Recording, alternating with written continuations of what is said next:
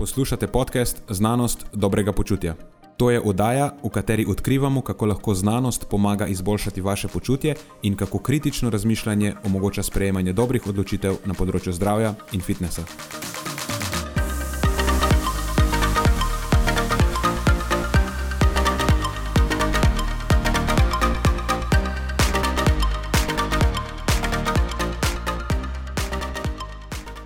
Pozdravljeni, z vami sva Nenad in moj sovoditelj Matjaš.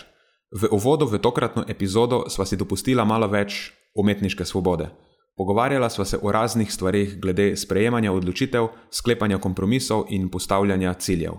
Ne samo na področju zdravja in fitnesa, temveč tudi širše.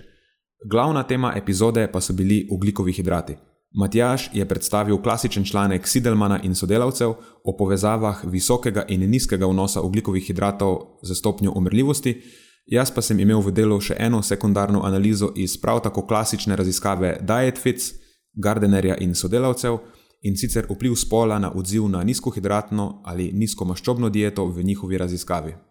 Na koncu pa odgovoriva še na vprašanje, ali je sonce po zimi v Sloveniji sploh dovolj močno, da lahko z njegovo pomočjo sintetiziramo vitamin D in ali k temu kaj pripomore, če preživimo veliko časa v gorah. Preden začnemo, pa se moram zahvaliti še našim sponzorjem. Zaenkrat to še vedno ni velika korporacija, temveč zvesti poslušalci, ki nam izkazujete zaupanje in podporo s prijavo v našo člansko skupino Znanost dobrega počutja. Hvala vsem, ki s tem držite luči prižgane in omogočate podkastu, da raste ter postaja še bolj kakovosten. Hvala tudi vsem ostalim, ki nas podpirate z visokimi ocenami in pozitivnimi komentarji, ter tako, da priporočate podcast svojim znancem in prijateljem. Zdaj pa je končno čas za začetek epizode. Uživajte ob poslušanju.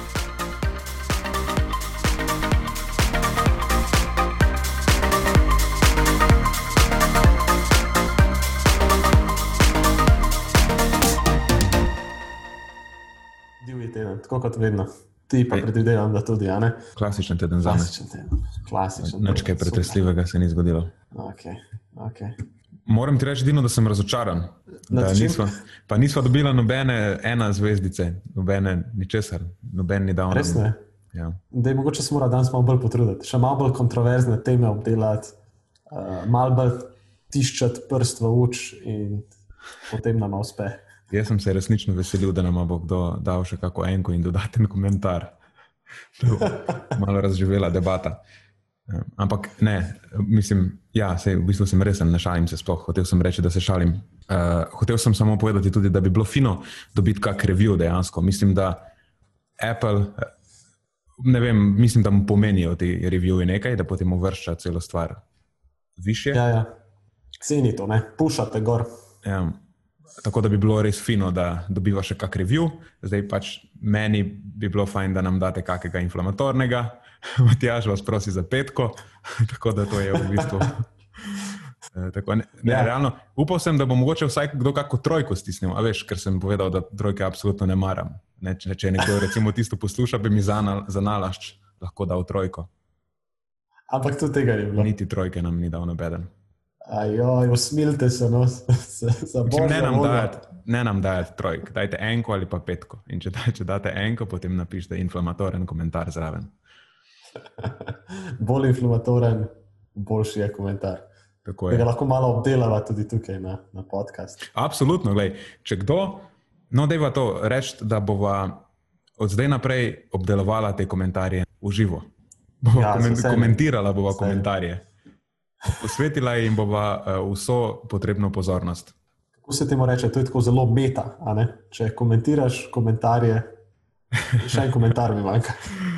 Komentar komentarjev, vse sva rekla. Torej, z malo zamude snemava, vse v bistvu poslušalcem je vseeno, če, na, midva, če jaz zamujam ali pa ne, ne. oni lahko to slišijo kdajkoli. Če mora nekdo še prej obesiti perilo ali ne, to je popolnoma. Ja, pozabil vseeno. sem, nekaj sem delal in sem pozabil, da je pravilen stroj prav, tako da moram to rešiti. Saj ni panike. Meni se je tudi zavlekel en uh, online sestanek. Ja, imam, imam kar malo hrapa v glas, iskreno. Se mi zdi, da sem malo predolgo govoril. A si Marija sem imel en, stisnil? uh, en posvet na Marija, sem stisnil. Ja. da razložim. Marijo ima daleč najdaljše in pa najbolj poglobljene posvete izmed nas, tako da imamo potem tako hišno šalo, da je to posvet na Marijah, če se Potraja. lahko zavleče. Več kot eno uro. Ja, nisem pri... pozabil, sem, da ima še podcast, potem, tako da je slaba odločitev. to. Zato se mislim, da je. Ja. Se motim, ali je to, da ko rečemo na Marija, to je v bistvu univerzalen izraz, ko, ko gre za pretiravanje. Ja, je tudi Ja. v tem kontekstu. Ja. Je tudi v tem kontekstu. Pa konkretno za sestanke je, se navezuje na dolžino sestankov. Vse veva, da nam Marijo ne bo zameril, to je all in good fun. Ja, seveda, seveda. seveda. Ja, drugače. Še, vse, drugače, še dobro, eh, vse še dobro, da ljudje nimajo upogleda v ta eh, naš background, kako naša komunikacija poteka dejansko v resnici. Je tako, Ja, mislim, da bi se zgražali. ja, kako bi temu rekli, parental guidance, PG. Ja, ja PG, PG-13. Ja, okay. Kje so ostale? Uh, Samo hotel sem reči, da se, da, da se je splačalo, da, da smo še enega uh, mladega športnika spravili skozi coaching, ki se, uh -huh. mislim, da se čez uh, novo leto vrača nazaj v Ameriko. A, hodo. Tudi nadaljavo stvar poteka pri nas, tako Ja. informativno. Kaj pa, kaj pa igra, kakšen šport igra? Uh, atletika. Okay. A je na koledžu? Tako, ja, tako. Veš, to je zdaj tako izpade, ne? Koledži so močni za atletiko. Matjaš, Matjaš skriva svoje stranke pred mano. ne, ne. Aj, res. ne, ne. Samo eh, Matjaš ureja športnike, tako da jaz včasih nimamo pogleda v to. Ni, ni potrebe. To, ja, pa v redu, lahko bi se kdaj malo več pogovarjali. Zato pa tlepo odprem to temo, a veš, če, če drugi ne. Me ne blindsideš uspem. včasih, ne. Tako, ja, tako. Jaz nimam pojma, kaj se dogaja. Lej, razdelimo si delo. Ja. Tisti, ki želite najdaljše posvete, hmarju, eh, športnike se pri meni oglasite, Nenad pa ostale prevzame. Evo, Evo, to je to. to je to. Dobro, drugač pa. Ja, pri meni je to klasičen teden, nič novega, ti nimam za poročati. Razen te stalnice, da me presenetiš vedno z novim komadom, ko začneva s podcastom.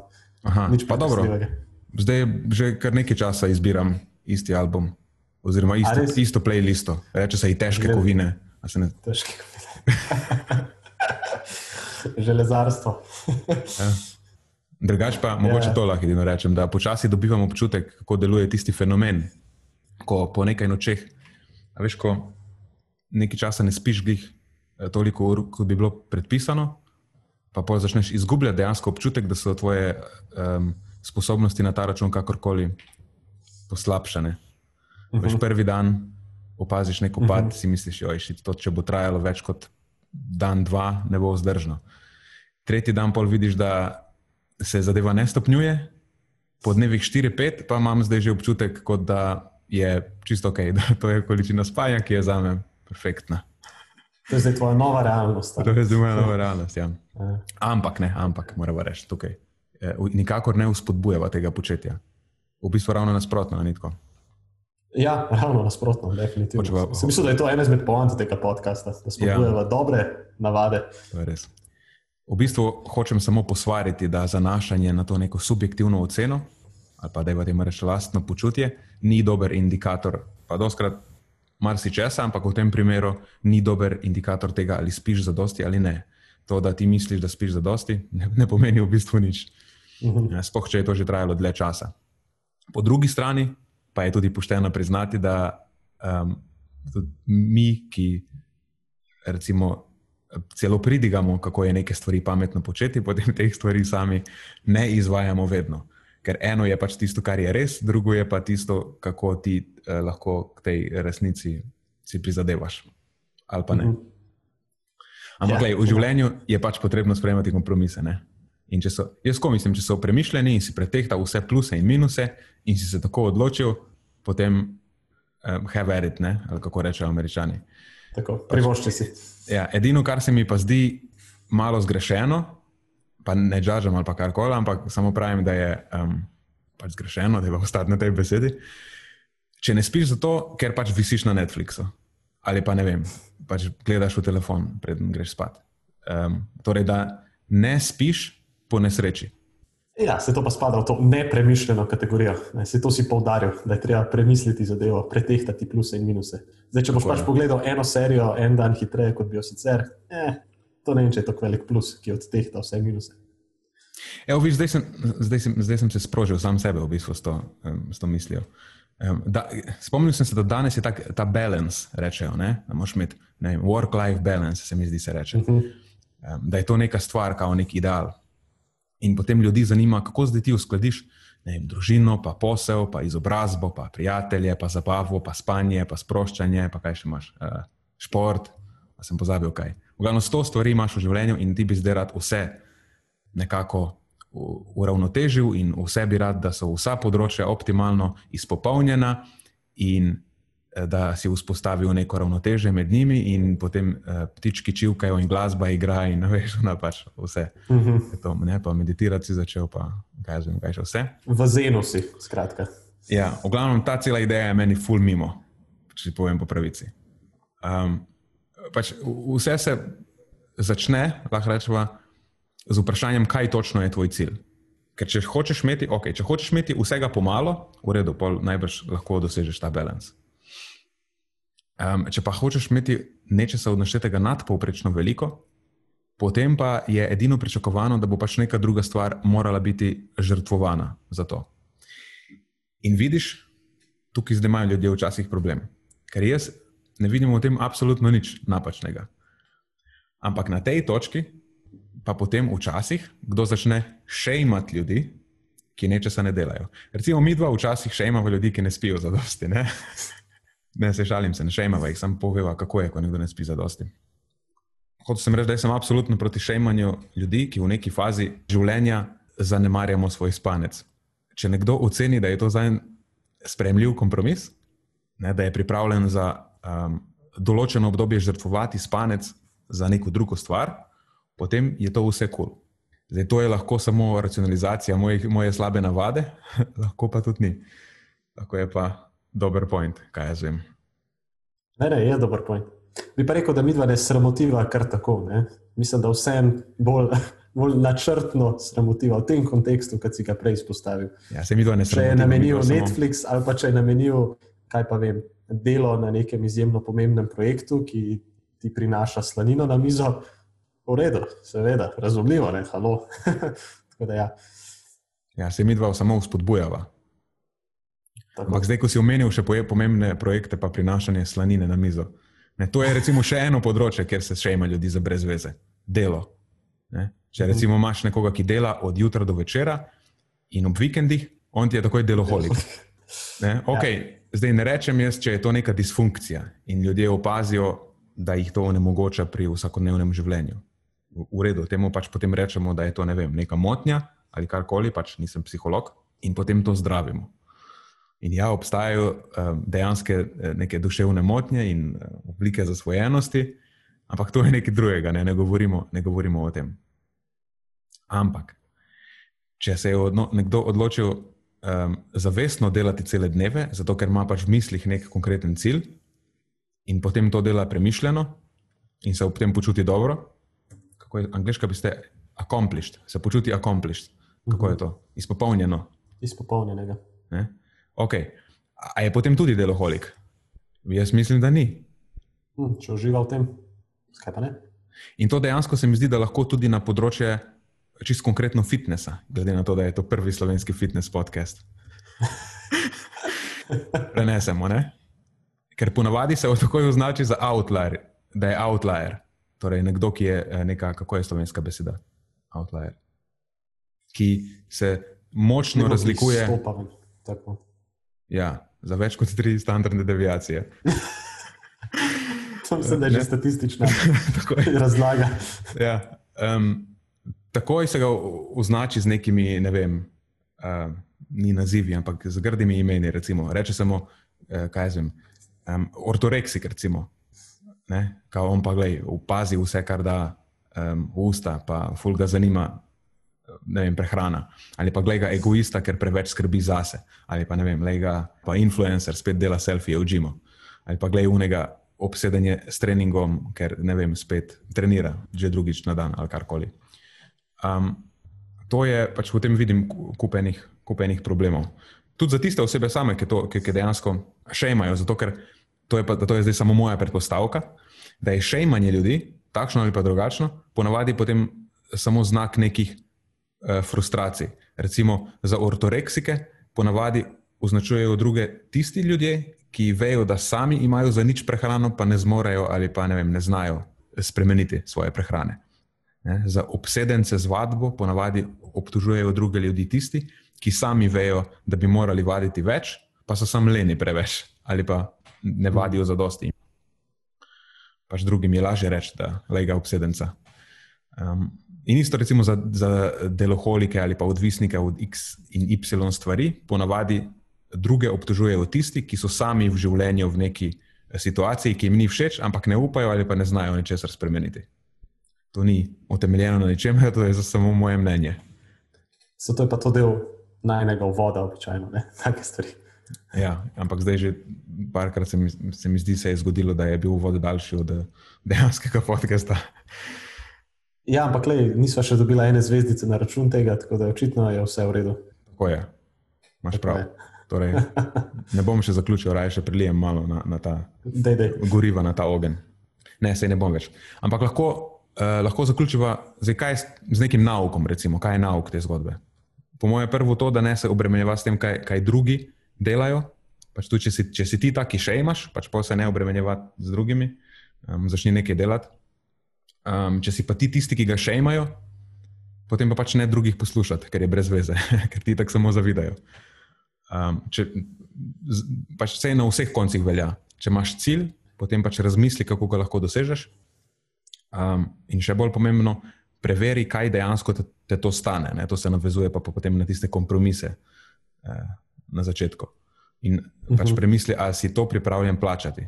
Ker če se vrnemo recimo na našo prakso ali pa na to, kar je nama blizu, pri delu s strankami, če je tvoj cilj nek zelo ekstremen, kaj bi bil tak, recimo six-pack, ki so klasičen primer tega, ja. ali pa karkoli je recimo sorodnega, potem to ponavadi pomeni, da bo um, pač treba pozabiti na te sanje o nekem balansu, kakršnem koli, pa uravnotežu na vseh področjih življenja. Um, ne, ajde, če vzamemo res ta konkreten primer six-packa, to lahko pomeni celo, da bo potrebno žrtvovati svoje zdravje in uh, dobro počutje za tak cilj. Ne, zato ni cilj, ki jih mi ponavadi uspodbujamo. Pač omenil sem ga zato, ker je najbolj ekstremen. Um, ampak, če ima iz nekega razloga nekdo tak cilj, ne vem zakaj, ampak recimo, da ga ima, um, je lahko legitimen cilj. V glavnem, kakorkoli, če ga hočeš doseči, pač se bo treba nečemu, nečemu um, odreči. Ne? Poanta je ta, da bo to potem balans. ja, pač ne bo balans, ne pač to bo. Mm. Uh, kaj se hoče reči?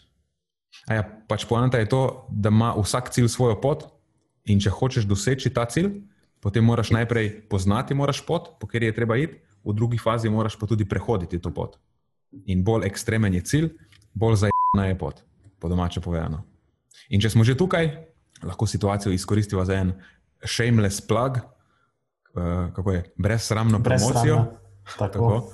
Recimo, tudi do nekaterih ekstremnih ciljev je pot mogoče olajšati ali pa vsaj zajeziti um, nekaj stranskih učinkov. In če se nekdo loteva ali pa podaja na pot do ciljev, ki so vezani na prehrano in vadbo, potem mu znava, mi dva, oziroma znamo mu pri Filgut eh, pri tem pomagati. Tako da, če pošleš kateremu koli odnajo uh, sporočilo, pač ne moreš zgrešiti. Edino, kar na začetku lahko narediš, je, da zadevo prefiltriraš skozi um, eno vprašanje in se vprašaš, ali imaš raje tako malo bolj easy going, vedno super potrpežljiv pristop, potem je Matjaš pravi naslov. Če pa imaš po drugi strani raje, kako bi temu rekla, recimo, bolj eh, ne jemlje talce v pristop, potem sem mogoče jaz boljši naslov. Ne, si se šalim, se, v resnici se šalim, jaz sem tudi vedno prijazen, samo na malo drugačen način. In, uh, ja, sej, če dava šalo na stran, pa to si tako že povedal na začetku, uh, na Matjaža se je ponavadi boljše nasloviti vprašanja, ki so vezane na šport, uh, name pa bolj vprašanja, ki so recimo bolj uh, tak, splošne narave. Uh, če pa je kdo bolj tak pogovorno inclined, spet angliška beseda, se upravičujem, pogovorno naklonjen, kakorkoli. Potem pa je Marijo, pravi naslov, in se boste pogovarjali ure in ure. Obljubim, da je to zadnja šala na ta račun. Super, odlično, odlično si to povzel. A smem dati čisto za konec tega uvoda eh, še eno brezsramno samo promocijo znanosti? Ja, dej. v tem kontekstu, da to mi, na to si me ti napeljal, Nenad, pa mogoče bo zelo koristilo. Ne? Ta trenutek se odvija ena raziskava vpliva COVID-a na delovanje možganov, kajti tudi COVID ima lahko direkten ali pa indirekten vpliv na delovanje možganov. Če bi želeli v tem sodelovati, ta zadeva poteka online v obliki 12 zelo zanimivih, ampak presenetljivo težkih interaktivnih iger najdete zadevo na, kako se že reče, aha, COVID Brain Study. Če boste to vtipkali v Google, prva stvar, ki vam odprete, lahko tukaj sodelujete, pa malo pripomorete znanosti kot taki. To se mi zdi, da zelo pogosto manjka. Ne, vedno govorimo o znanosti tukaj in tam, ampak treba si je dejansko vzeti malo časa, pa energije, pa tudi sodelovati v takih stvareh. Ej, bravo, Matjaš, vsa čast. Kako sem lahko sploh na to pozabil? Ker jaz sem dejansko tebe znovačil v to raziskavo ne? in po na koncu pozabim omeniti to. E, zato sem tukaj, ne, da spomnim.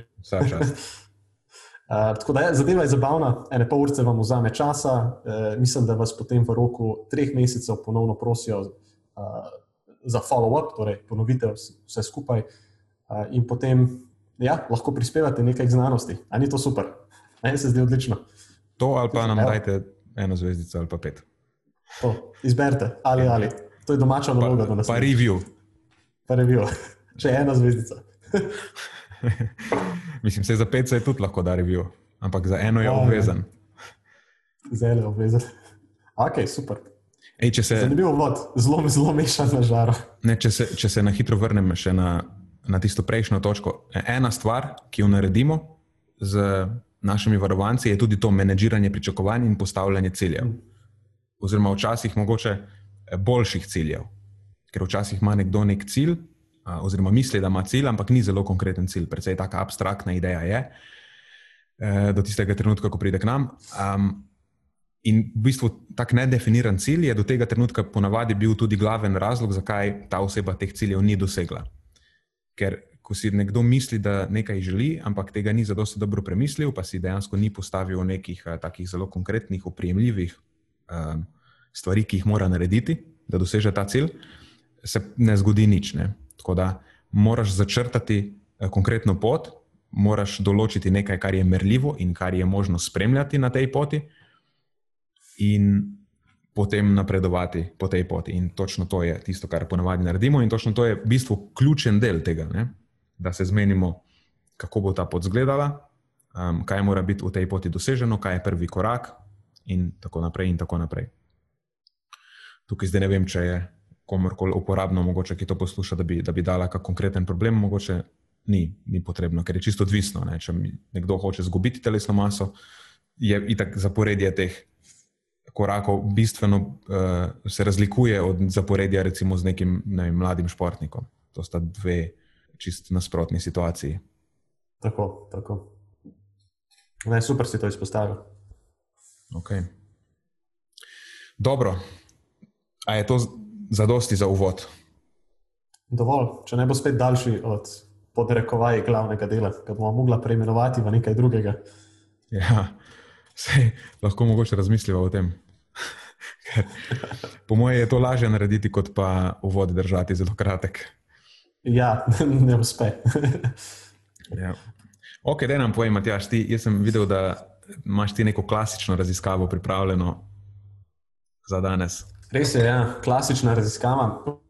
Idejo za njim sem dobil iz pogovora s teboj, ne iz prejšnjega podcasta, ko si začel to temo eh, podrekovati esencialnosti eh, tako najnižjih rastlinskih spojin in si potem tudi naredil eno usporednico z ugljikovimi hidrati.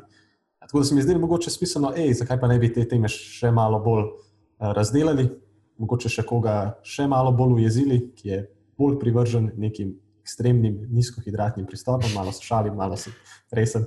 Ampak pogosto slišimo, da eh, oglikovih hidratov ne potrebujemo, ne? da niso esencialni, da jih naše telo eh, lahko sintetizira samo od sebe. In ja, pač tehnično gledano je to res, ugljikovi hidrati v tem kontekstu niso esencialni, ne bomo umrli, če jih ne pojemo en dan, mesec, celo več.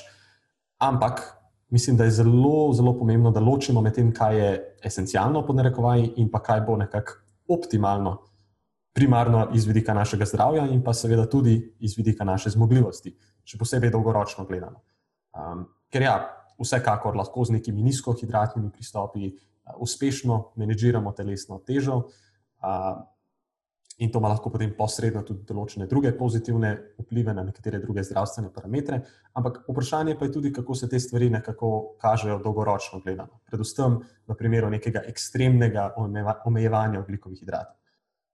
No, in ta raziskava, ta klasična raziskava, kot jo je Nina dopisal, je bila narejena strani Sidelmana in sodelavcev iz leta 2018.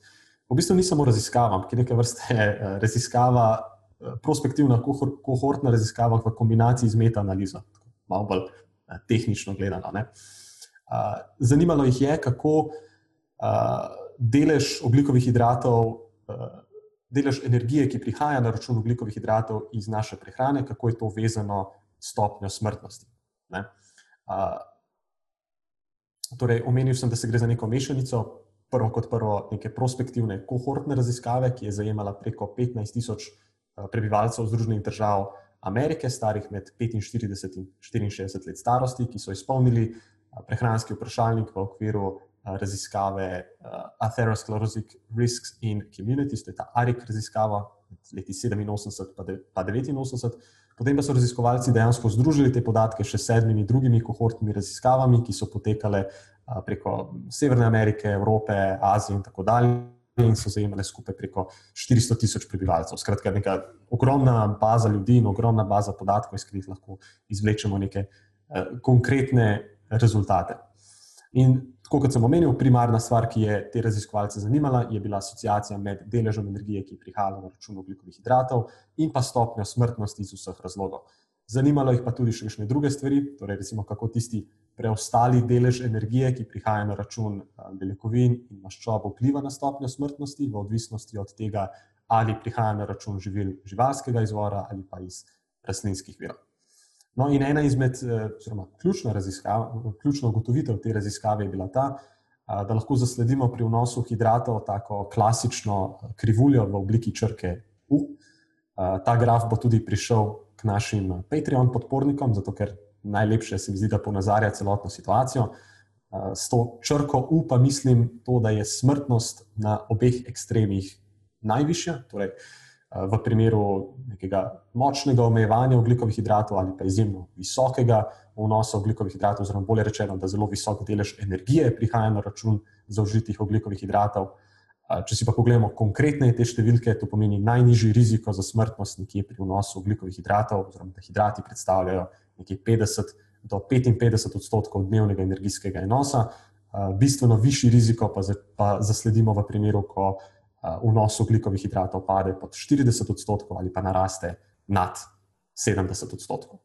Ne? Skratka, nekako ključna točka, ne, če želite živeti dolgo in dobro, z nekimi minimalnimi zdravstvenimi komplikacijami, potem je najbolj smiselno vključiti neko smiselno količino, primerno količino oglikovih hidratov v prehrano. In če se že gremo nekih nizkooglikovih uh, hidratnih pristopov, potem bi uh, jaz osebno poskušal nekaj malega oglikovih hidratov vseeno vključiti notri v igro. Uh, in pa da večina moje prehrane, preostale prehrane, ne temelji na nekih uh, nasičenih virih maščobe. Kaj ti uh, tudi te so potem povezane z nekaterimi negativnimi zdravstvenimi izzivi. Uh, torej, vprašanje je ne samo to, ne, koliko oglikovih hidratov uživamo v prehrani, temveč tudi, uh, katera živila zamenjajo potem te oglikove hidrate. Ne. Če so to primarno neki taki uh, mastni, živalski viri, z visoko vsebnostjo nasičenih šob, za katere vemo, da so vzročno povezani s povišenim LDL in rizikom za srčno-žilno obolenje, potem nekako to ni idealna situacija, ki zagotovo lahko pripomore k povečanemu riziku za smrtnost, dolgoročno gledano. In to je seveda tudi nekaj, kar so odkrili v tej nadaljni analizi sami raziskovalci, torej tisti posamezniki, ki so imeli višji delež preostale energije na račun živil živalskega izvora, so načeloma imeli nekoliko slabše rezultate. Pa ne zato, ker je živeli živalskega izvora, ki je narobe, da je kaj eh, narobe z njimi per se, ali pa da je živalskimi beljakovinami kaj narobe per se, kot se kdaj pa kdaj sliši. Gre se samo za to, da bo potem večina izbir prihajala na račun nekih teh masnih virov, kot sem že omenil. Um, no, po drugi strani pa tudi v uh, primeru kakšnih low-carb pristopov z dnevnim vnosom energije pod 40 odstotkov na račun ugljikovih hidratov, ki pa so dali večji poudarek rastlinskim virom, torej kakšne oreščki, semena in podobne stvari, je bil pa ta učinek smrtnosti bistveno manj izrazit. Ne. Spet meni se to ne zdi neka najbolj idealna situacija, ampak če se že gremo v takih pristopov, nekaj, kar je vredno vzeti v obzir. Um, pa pa še ena stvar, ki je pa malo bolj hipotetične narave, pa smo jo že zadnjič načela z Nenadom zakaj so rezultati taki, taki specifični, zakaj je ravno smrtnost višja v primeru nekega omejevanja, skrajnega omejevanja ugljikovih hidratov. Se gre pa za to, da ugljikovi hidrati niso samo nek pomemben vir energije v naši prehrani, niso samo pomembni za performance, ampak so tudi pomemben vir energije za kakšne druge pomembne strukture našega telesa, centralni žilčni sistem, recimo močan podnarekovaj odjamalec oglikovih hidratov. In pa oglikovi hidrati vsebujejo tudi nekatere druge koristne spojine. Zadnjič je ne na to omenjal te koristne rastlinske spojine, ali polifenoli, flavonoli in podobne stvari. Tudi vlaknine spadajo vsekakor v to kategorijo. Torej, če nekako dolgoročno gledano uživamo očitno prenizek vnos, da imamo prenizek vnos teh snovi, očitno se tudi nekako negativno lahko izrazi na našem zdravju. To je zdaj bolj hipotetične narave, sicer, no, ampak zdi se mi precej na mestu. Kaj praviš, Nenad? Ja, se strinjam. Ta raziskava nam pove predvsem eno stvar, da, ob, da so ekstremne diete v bistvu povezane z višjim tveganjem za prezgodnjo umrljivost. En in drug ekstrem je načeloma iz tega razloga odsvetovan. In se mi zdi, da je ta članek res tak zelo slikovit prikaz tega. Tako. Tako da, ja, v bistvu potem tudi eh, moramo nekako prilagoditi ta vnos oglikovih hidratov v tem kontekstu, da, da se izogibamo obeh ekstremov, tako tudi delamo nekako pri našem coachingu. Ok, zdaj, če imamo športnike v igri, potem se moramo malo bolj nagibati v smer višjega vnosa oglikovih hidratov, čisto iz vidika performansa. Ampak v splošnem coachingu pa se seveda ognemo obeh teh dveh ekstremov in potem prilagodimo vnos oglikovih hidratov, predvsem v odvisnosti od preferenc posameznika in stopnje njihove telesne aktivnosti. Uh mhm. -huh. Ampak v vsakem primeru ni večino časa to ni neka ekstremna dieta. Ne? Tudi če imamo nekoga, ki ima visoko povišene potrebe po ugljikovih hidratih zaradi specifik njegovega športa ali pa je glih v neki fazi, še zmeraj, še zmeraj nič maščobna dieta ni. Nikoli. Ja. Drugač pa, kar ta krivulja kaže, oziroma bi lahko, kako bi lahko probali tudi razložiti to krivuljo, je tako, da je en in drug ekstrem sta tudi indikatorja neuravnotežene prehrane. Ne? In s to neuravnoteženostjo, ki potem lahko vzrokuje raznim prehranskim pomankanjem ali pa čist samo nezadostnemu vnosu nečesa, potem je pač logično pričakovati, da bo to povežan, povezano z višjo umrljivostjo. Ne? V nekih, recimo, azijskih državah, ali pa da ne naredimo Azijcem krvice, ker zdaj, recimo, Kitajska je precej razvita. Um, recimo, v državah v razvoju, če tam gledamo ekstreme, recimo ekstremno visokohidraten pristop, bo tam povezan z, z povišanim tveganjem za umrljivost, čisti iz preprostega razloga, ker je pomankanje maščob v prehrani tam indikator za nižji eh, socioekonomski status in ta je eden izmed glavnih dejavnikov tveganja za to zadevo. Ne. Tako da. Ni samo to, da ne jejo za dosti maščob, ampak je v bistvu pomankanje maščob v njihovi prehrani lahko tudi znak revščine. Tako in po vsej verjetnosti tudi splošnega pomankanja energije kot takega. Tudi to, ja, tako je, Evo, še en dober point. Tudi eh, zelo neuravnotežen vnos, se mi zdi, da še sploh na tej strani. Ko so maščobe zelo nizko, je lahko tudi indikator nezadostnega energijskega vnosa, ki pa spet vemo, da je zelo pomemben dejavnik tveganja za en cel kup stvari. Uh mhm. -huh. Tako. Tako da, ja, v osnovi to, no? to je bil nekako moj to sem želel danes predstaviti. Ugljikovi hidrati, esencialni, tehnično gledano, ne, ampak v bistvu ja, če se lahko tako izrazim. tehnično gledano ne, ampak so esencialni za dolg, esencialni v narekovajih za optimalno dolgoživost, rečemo temu. Uh -huh. Naj, najbrž, da je najbrž. Ampak ne, da je ta najbrž stran, ker drugače, če da je najbrž, pa je manjša verjetnost, da dobiva eno zvezdico. najbrž gre stran. ja, je, kaj so rekla, je slabše, pač gotovo. tako, tako, tako, je slabše, gotovo. Super. Um, povej, Nenad, kaj si nam pa ti danes želel predstaviti? Jaz imam pa danes eno stvar, v bistvu nadaljujem z nekega prejšnjega podcasta, kjer smo se mi dva spraševala o tem, ali bo tista slavna Gardnerjeva raziskava Dietfits dala še kakšno sekundarno analizo. Takrat je bilo nekaj na temo mikrobiote, se spomniš? Uh mhm. -huh. Tokrat pa um, so se spraševali, v bistvu, kako so kako razlike med spoloma, uh, oziroma kako glede na spol, kakšen učinek imajo glede na spol nizkohidratna, pa nizkomaščobna uh, prehrana. Pač tukaj gre za to diet fits raziskavo, ki lahko je moče na hitro predstaviti, če je kdo pozabil. Pač res ena klasična stvar. Mm, je šlo je za 12-mesečno klinično raziskavo, ki je spremljala okoli 600 ljudi, razporejenih na nizkohidratno in nizkomaščobno dieto. Od tukaj naprej bom uporabljal, ker se mi je že skoraj jezik zlomil, um, izraz low carb, pa low fat, pač low carb za nizkohidratno in low fat za nizkomaščobno. Moji možgani delujejo v angleščini, tako da bo, mi bo bistveno lažje. Bear with me, torej potrpite z mano. um, torej, ja, raziskovalce je zanimalo, primarno je, jih je zanimalo presnovno stanje in genetika. Torej, če, če sta ta dva dejavnika, presnovno stanje in pa genetika, pomembna, potem eh, kako vplivata na uspešnost ene in druge diete. Ne, preverjali so, recimo, če nekdo, ki ima eh, slabšo inzulinsko občutljivost, če mu bo boljše šlo na low carb dieti ali na low fat dieti. In kar so ugotovili, ugotovili so, da, da ne, da ni bilo, um, glede na presnovno stanje in genetiko, nobene razlike pri končnih rezultatih obeh diet. Torej, v povprečju so ljudje izgubili enako količino telesne mase, tako na low fat, kot na low carb Eh, prehrani. Um, genetika, ja, to je še ena, mimo grede, ta, to je zdaj neka stvar, očitno pri nas. Dieta na podlagi genov, ne, to je pseudoznanstven mambo jumbo. Um, mogoče nekoč. Trenutno smo od tega oddaljeni tako, kot smo oddaljeni od recimo potovanja izven našega osončja. Kupenih stvari je, ki jih dejansko ne razumemo, kar se tiče um, najprej v osnovi um, našega genoma, v drugem koraku pa tega, kako se spoh neke stvari izražajo. Tako da en kupenih stvari je neodkritih. In ne samo, da je to, da ti nekdo trdi, da lahko ti pač sekvencira genom in ti pove, kaj moraš jesti, da bo neka stvar boljša, ne samo, da je optimističen, ampak je tako res, pač res se spreneveda se. No.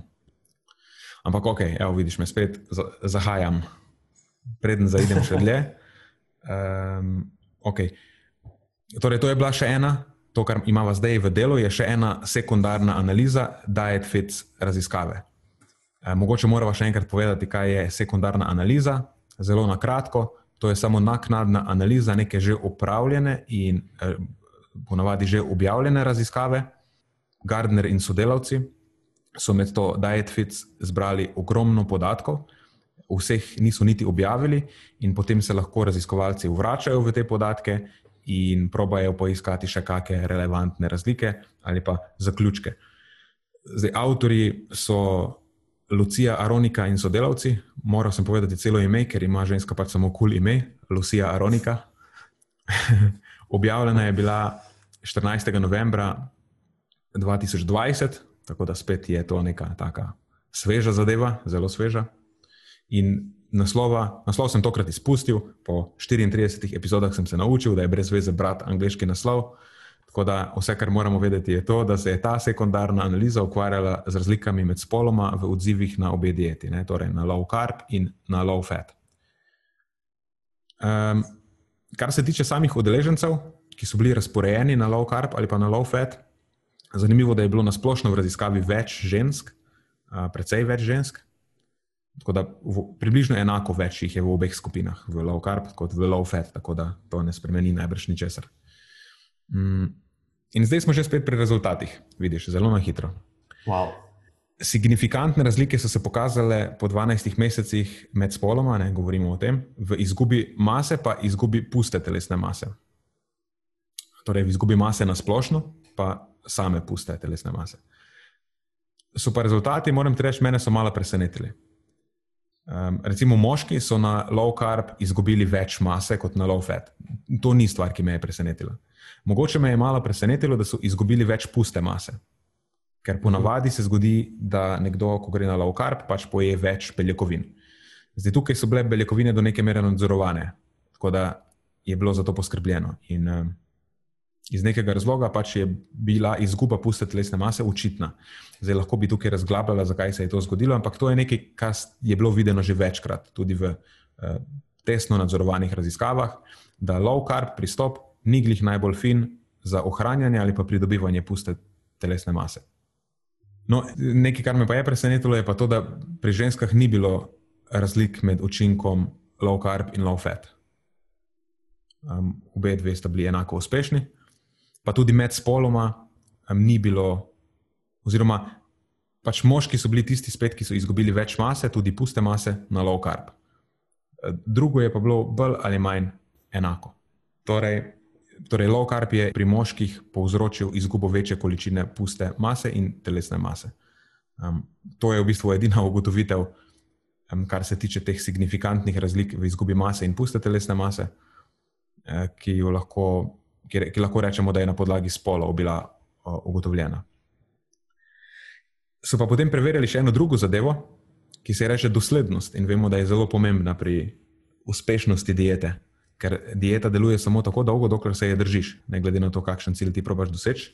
Ali je to zdravje, ali je izguba odvečne telesne mase, ali je podpora nekim športnim ciljem, treningu, kar koli, je pač doslednost tista, ki ne, povzroči, da stvar deluje. Zanimivo je, da najbolj dosledno so pravilom sledili low carb moški, torej moški, ki so bili razporejeni na low carb dieto, najmanj dosledno pa low carb ženske, kar pa je nekako pričakovano. To je nekaj, kar lahko kar opazimo anegdotalno. Imamo občutek, da več žensk reče, da jim je bolje, pa da jim bolje ustreza nekoliko više hidratna prehrana, razen tiste, ki so pač kupili ta low carb zaradi nekih drugih razlogov. Ampak v večini to najbrž ni primer. In avtori članka so sklepali, da je to delno najbrž družbeno pogojeno, pač zaradi neke percepcije, da je pač mastna hrana ne vem, nekako bolj krepka ali pa moška ali mhm. kakorkoli. Nek, um, da je nek družbeni dejavnik. Zdaj jaz realno ne vem, koliko bi dal tej domnevi sicer teže, meni je malo to tako, tako ampak um, mogoče. Pa čist, če pustiva ob strani te družbene vplive, pa predsotke, čist ločeno od tega, se tudi zaradi dejanskih fizioloških razlogov, Eh, za ženske hujša restrikcija oglikovih hidratov ni praktično nikoli priporočljiva. Zdaj, jaz bi rekel sicer, da tudi za moške ni nikoli priporočljiva, ampak o tem mogoče lahko še debatiramo. Uh -huh. uh, ja, uh, ženske so na tem naslovu malo bolj, uh, malo pomembnejše so ne? v tem smislu, uh, evolucijsko gledano. Ja, moremo... Varnostne mehanizme imajo prirojene. Za, tako, za moške tako. je naravi vseeno, veš, ti lahko delaš neumnosti, ja. pa, pa umreš, pa po eno, več ali pa manj. je čisto ja. vseeno. Ja. In to še posebej eh, bi bilo odsvetovano za ženske v nekih eh, bolj specialnih obdobjih, nosečnost. Eh, tam je bilo pa taka, taki nizkohidratni pristopi, se praviloma nimajo najboljšega izida. No? Tam so dejansko povezani z večjim tveganjem za razne komplikacije. Mm. To tudi imamo konkretno. Lahko potem to je tudi klasična raziskava, lahko naslednjič to odpreš. Ja, dobra ideja. Lahko imamo eno epizodo samih klasičnih, klasična epizoda. Um, je pa tukaj, recimo, ko smo rekli, da ni bilo razlik med low carb in low fat, nekih uh, drastičnih, razen te razlike v pusti telesni masi pri moških, ki je omembe vredna. Eh, ne rabijo ponavljati, zakaj je omembe vredna, pa če izguba, izguba puste telesne mase ni nikoli zaželjena. Ne, pusta telesna masa je nekaj, kar želiš ohranjati čim več, čim dlje časa. Um, ker je nek indikator zdravega staranja. Recimo. Pa tudi, tudi ko, si, ko si mlajši, je nek znak uh, zmogljivosti Vitalnosti. in vitalnosti. In, ja. um, hotel sem reči to, da ta raziskava ni bila zelo striktna glede omejevanja. Ne? Tako da mogoče tudi iz tega razloga ni bilo nekih sprememb, ker če rečemo, da recimo ni fajn, uh, sploh za ženske, slediti nekemu ekstremu. eh, Tukaj dejansko ni bilo nobenih ekstremov, zato mogoče ni razlike. Eh, Ker je šlo, oni so temu rekli healthy low fat, pa healthy low carb. Tako da tudi, recimo, low fat skupina je imela zelo zmeren vnos maščob. Ker tudi po drugi strani zdaj imamo te tepe, pa te hidrate, ampak ne, se tudi omejevanje maščob ni priporočljivo. Neko neurotično izogibanje tem maščobam. Ne bo O, nikoli ne, seveda ne. Mislim, zadnja stvar, ki sem si jo želel, je, da, bi, da tukaj zdaj poveličujemo oglikove hidrate. Sam običajno zasledimo v praksi ravno to neko dogmatično prepričanje zoper oglikovim hidratom, da so, da so eh, bav, bav. Pa temu zagotovo ni tako. Eh, Izjemno redko se srečam z nekom, ki načrtno omejuje maščobe v svoji prehrani ali pa že ima per se zelo nizek vnos maščob, prenizek vnos maščob. Eh, Samo zato se mi zdi, da toliko poudarjava te oglikove hidrate in ne toliko maščob. Tako da, kar lahko mogoče na podlagi tega sklepamo, je, da tukaj gre za populacijo nekih povprečnih ljudi, ki niso športniki.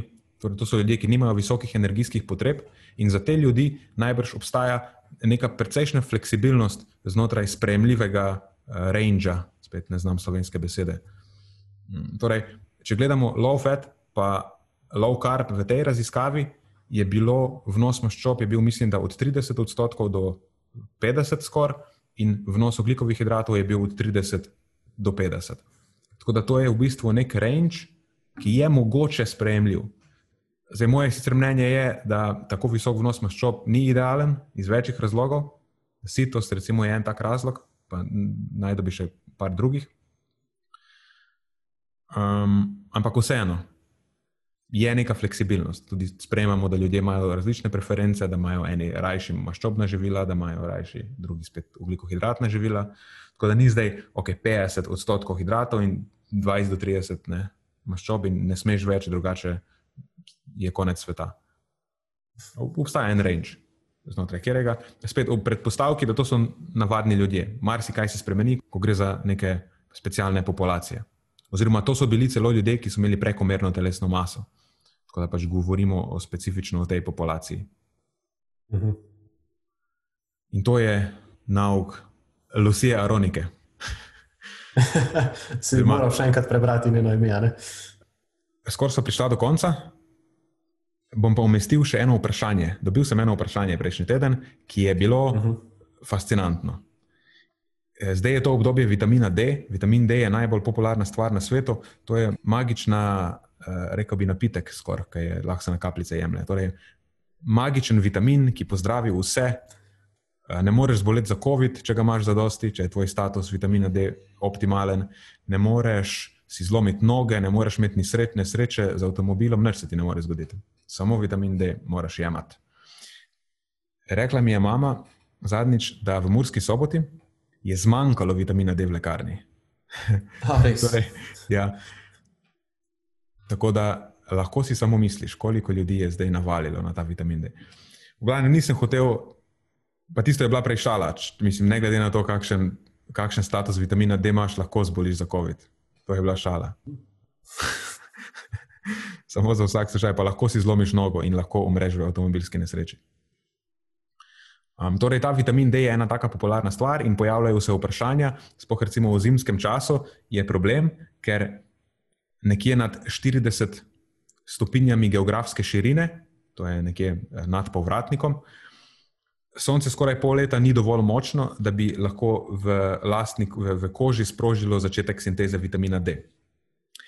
In te, Slovenija pade tudi v to območje, kjer dejansko pol leta izpostavljanje soncu ne naredi praktično nič za tvoj vitamin D. To je recimo ena stvar, ki so jo, sem opazil, pozabili povedati, ko so promovirali vitamin D. Um, ni bilo povedano, da če greš na sonce po zimi, nimaš nič od tega. Celo bilo je rečeno, da eh, pojdite ven čim večkrat, tudi zdaj v tem obdobju, čeprav zdaj ne bo sonce naredilo ničesar. Um, izpostavljanje soncu po zimi, ko nimaš no, UVB žarkov, ker to je razlog, oziroma kako jaz razumem to zadevo, je problem, ker eh, površja Zemlje ne zadane za dosti UVB žarkov, tistih, ki so zaslužni za to, da se ta sinteza vitamina D v koži začne. Tega po zimi ni. Eh, razlog je spet to, če prav jaz razumem, eh, oziroma če, če prav razumem, da zaradi naklona planeta po zimi žarki padajo na Zemljo pod manjšim kotom, in to pomeni, da imajo daljšo pot do površja Zemlje, in pač UVB ne doseže površja. Recimo, če bi karikirali, bi lahko rekli, da se skozi atmosfero UVB prefiltrira ven, eh, preden zadane površje. Recimo, podobno kot se prefiltrira skozi steklo. Še ena situacija, v kateri sonce oziroma izpostavljanje soncu ne sproži sinteze vitamina D, je to, da sediš v pisarni ob zaprtem oknu um, in sonce sija vate. Ne, to ni koristno za sintezo vitamina D, je pa škodljivo za kožo, ker UVA poškoduje kožo in enako je po zimi. Če greš ven, pa se sončiš po zimi, vse, kar imaš od tega, je poškodbo kože. Tako da to je slaba strategija. Enako je, če sediš um, ob oknu pa si je sonce nate, to ni za te koristno. Oziroma, v tem primeru je smiselno razmisliti o zaščiti. Enako je, recimo, ja. te kamion, ki, ljudje, ki vozijo kamione, se zdaj se malo zašel, ampak pač, lej, tako moji možgani delujejo. Um, veš, kaj emisije sonce, do, pač furajo v eno smer, ponavadi, oziroma v eno smer. Pač vozijo tako, da sonce dostkrat sveti samo na njihovo eno stran, ker pač na drugi strani je sedež, in jih sonce ne doseže, in so posončeni samo po eni strani. No, na tej strani, v, po kateri so posončeni, je pri njih bistveno više tveganje za razvoj raka na koži, ker je ta koža, ta koža vedno pač izpostavljena um, poškodbam. Tako da, ja, kaj sem hotel reči, nisem sploh prišel še do vprašanja. Vprašanje je bilo, a zdaj po zimi, Matjaš se mi smeje, um, imam kamero, pa ga vidim namreč. po zimi Torej, sonce za vse ljudi, ki živimo v mestih na neki normalni nadmorski višini, ne more sprožiti sinteze vitamina D. No, vprašanje je pa bilo, kaj pa, če veliko časa preživiš v gorah? Ali potem lahko dejansko lažje vzdržuješ neke blizu optimalne ravni vitamina D skozi celo leto, samo z izpostavljanjem sonca? In pač meni se je zdelo samo, uh, nisem sploh pomislil na kaj takega realno. Mogoče zato, ker ne hodim v gore pogosto, ampak, oziroma sploh, pač le prek morja, pri nas je vse ravno. Um, ja, ampak zanimiv, že sam, sam miselni proces mi je bil zanimiv, da se, nekdo, da se je nekdo dejansko, da je nekdo dejansko razmišljal o tem, pa se je tega spomnil, to mi je bilo pač samo super. Um, zdaj, realno, jaz ne vem, nisem uspel najti odgovora, tako da iskren odgovor je, da ne vem. Um, je pa tako, no v gorah si malo više. In pač, ker si više, svetloba potuje malo krajšo pot. Ampak zdaj v kakšnih gorah si ti? Atmosfera je, a se reče, debela. Atmosfera je debela. Okay, debela je deset, več kot 10 km. Mislim, da je nekih 12 ali 14. Spet, le, ne me držati za to besedo, ker nisem eh, kdorkoli preučuje atmosfero. V glavnem, zelo je debela. In tudi, če, če nisi na Mount Everestu, najbrž nisi dovolj visoko, okay? da bi lahko po zimi s pomočjo sonca tvoril lasten vitamin D. E, to bi jaz pričakoval. Nisem pa našel nobene dejansko dobre raziskave, ki bi poskušala ugotoviti, ali ljudje, ki živijo na visokih nadmorskih višinah, vzdržujejo ravni vitamina D e, bolje od recimo nekih kontrol, ki živijo nižje v mestih tega pa pač nisem našel. Tako da, če ima kdo kaj takega, lahko nama pošlje, pa bova, se bo naslednjič zahvalila, te omenila in popravila zadevo. Naredila retrakcijo te moje izjave in povedala tako, kot je v resnici. Ja. V bistvu je dobro vprašanje. Ja. Glede na to, kako smo eh, Slovenci, hribovsko naravnan narod. Eh, tako da bi tudi mene zanimalo. Jaz nisem pričakoval tega vprašanja, ni mi nič upozoril, tako da nisem, nisem uspel ničesar preveriti. Ampak sem prepričan, da je Nenad dobro prebral literaturo, da če se ničesar ta trenutek ne najde, no, mogoče pa ne jo presenetijo. Ja. Da sem še nekaj omenil na tem naslovu vitamina D, ker zadnjič smo objavili en članek za Merkator, za tiste, ki ne veste, že dolgo časa sodelujemo z njimi. in se je pojavilo en kup nekih komentarjev spodaj, kdo pa, pa potrebuje prehransko dopolnilo, čež da saj gremo ali A ven na sonce po zimi, kar so ravno kar obdelala z Nenadom, in pa B, saj ga najdemo v nekaterih živilih, kot so vem, jajca, ribe, mleko in podobno. Sam to bi še naslovil. V teh živilih so tako, tako marginalne količine vitamina D, da z njimi enostavno ne bomo mogli pokriti svojih potreb. Eh, ocenjuje se, da lahko s prehrano, pa tudi če vsebuje zadostno mero teh živil, notri pokrije nekje maksimalno 20 odstotkov, približno nekih dnevnih potreb po vitaminu D. Tako da zato je to prehransko dopolnilo. Ne zato, ker smo mi sponzorirani strani kogarkoli, da oglašujemo ta vitamin D, ampak enostavno tako priročen vir vitamina D predstavlja in zelo težko ga dobimo druge. To je vse. Mhm.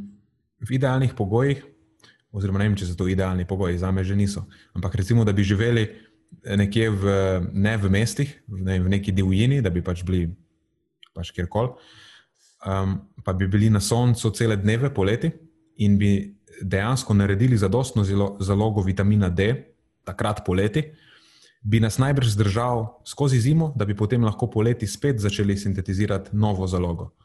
In bi pač to bil nek cikel, ki bi bil ok. Ne bi bil optimalen, ker um, človeška žival, da je mu nam reči tako, ker je pač v resnici smo živali. Ne?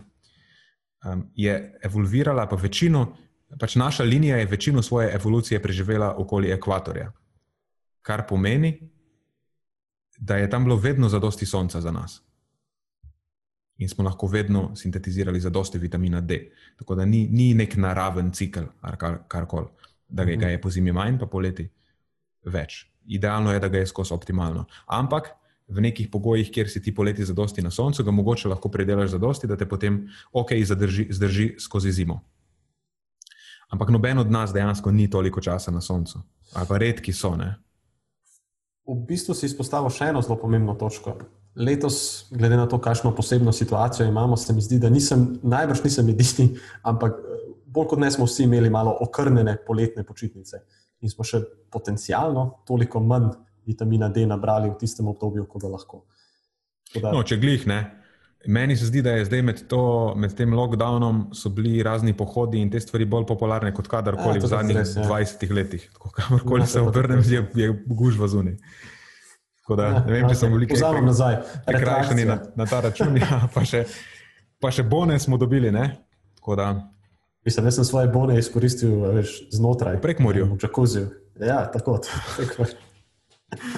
Jaz sem lobiral, da gremo v prekmorje na Bone.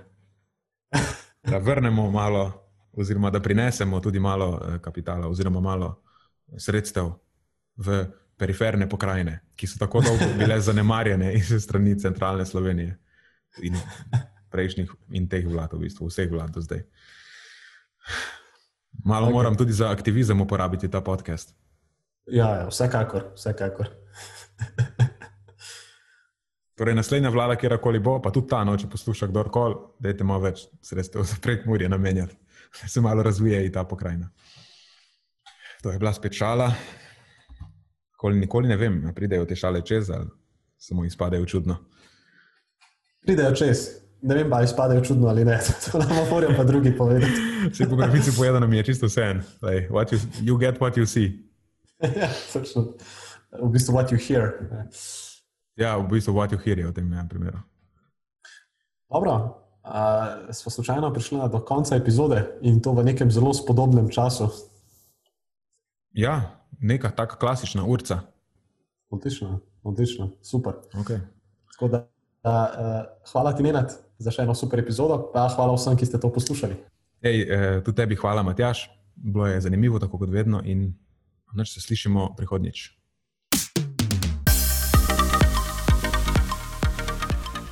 To je za tokrat vse iz naše strani. Hvala, ker ste poslušali do konca. Če mislite, da je bila današnja epizoda pomembna, jo prosim delite s svojimi znanci in prijatelji in jo priporočajte dalje, saj s tem omogočite, da doseže čim večjo množico.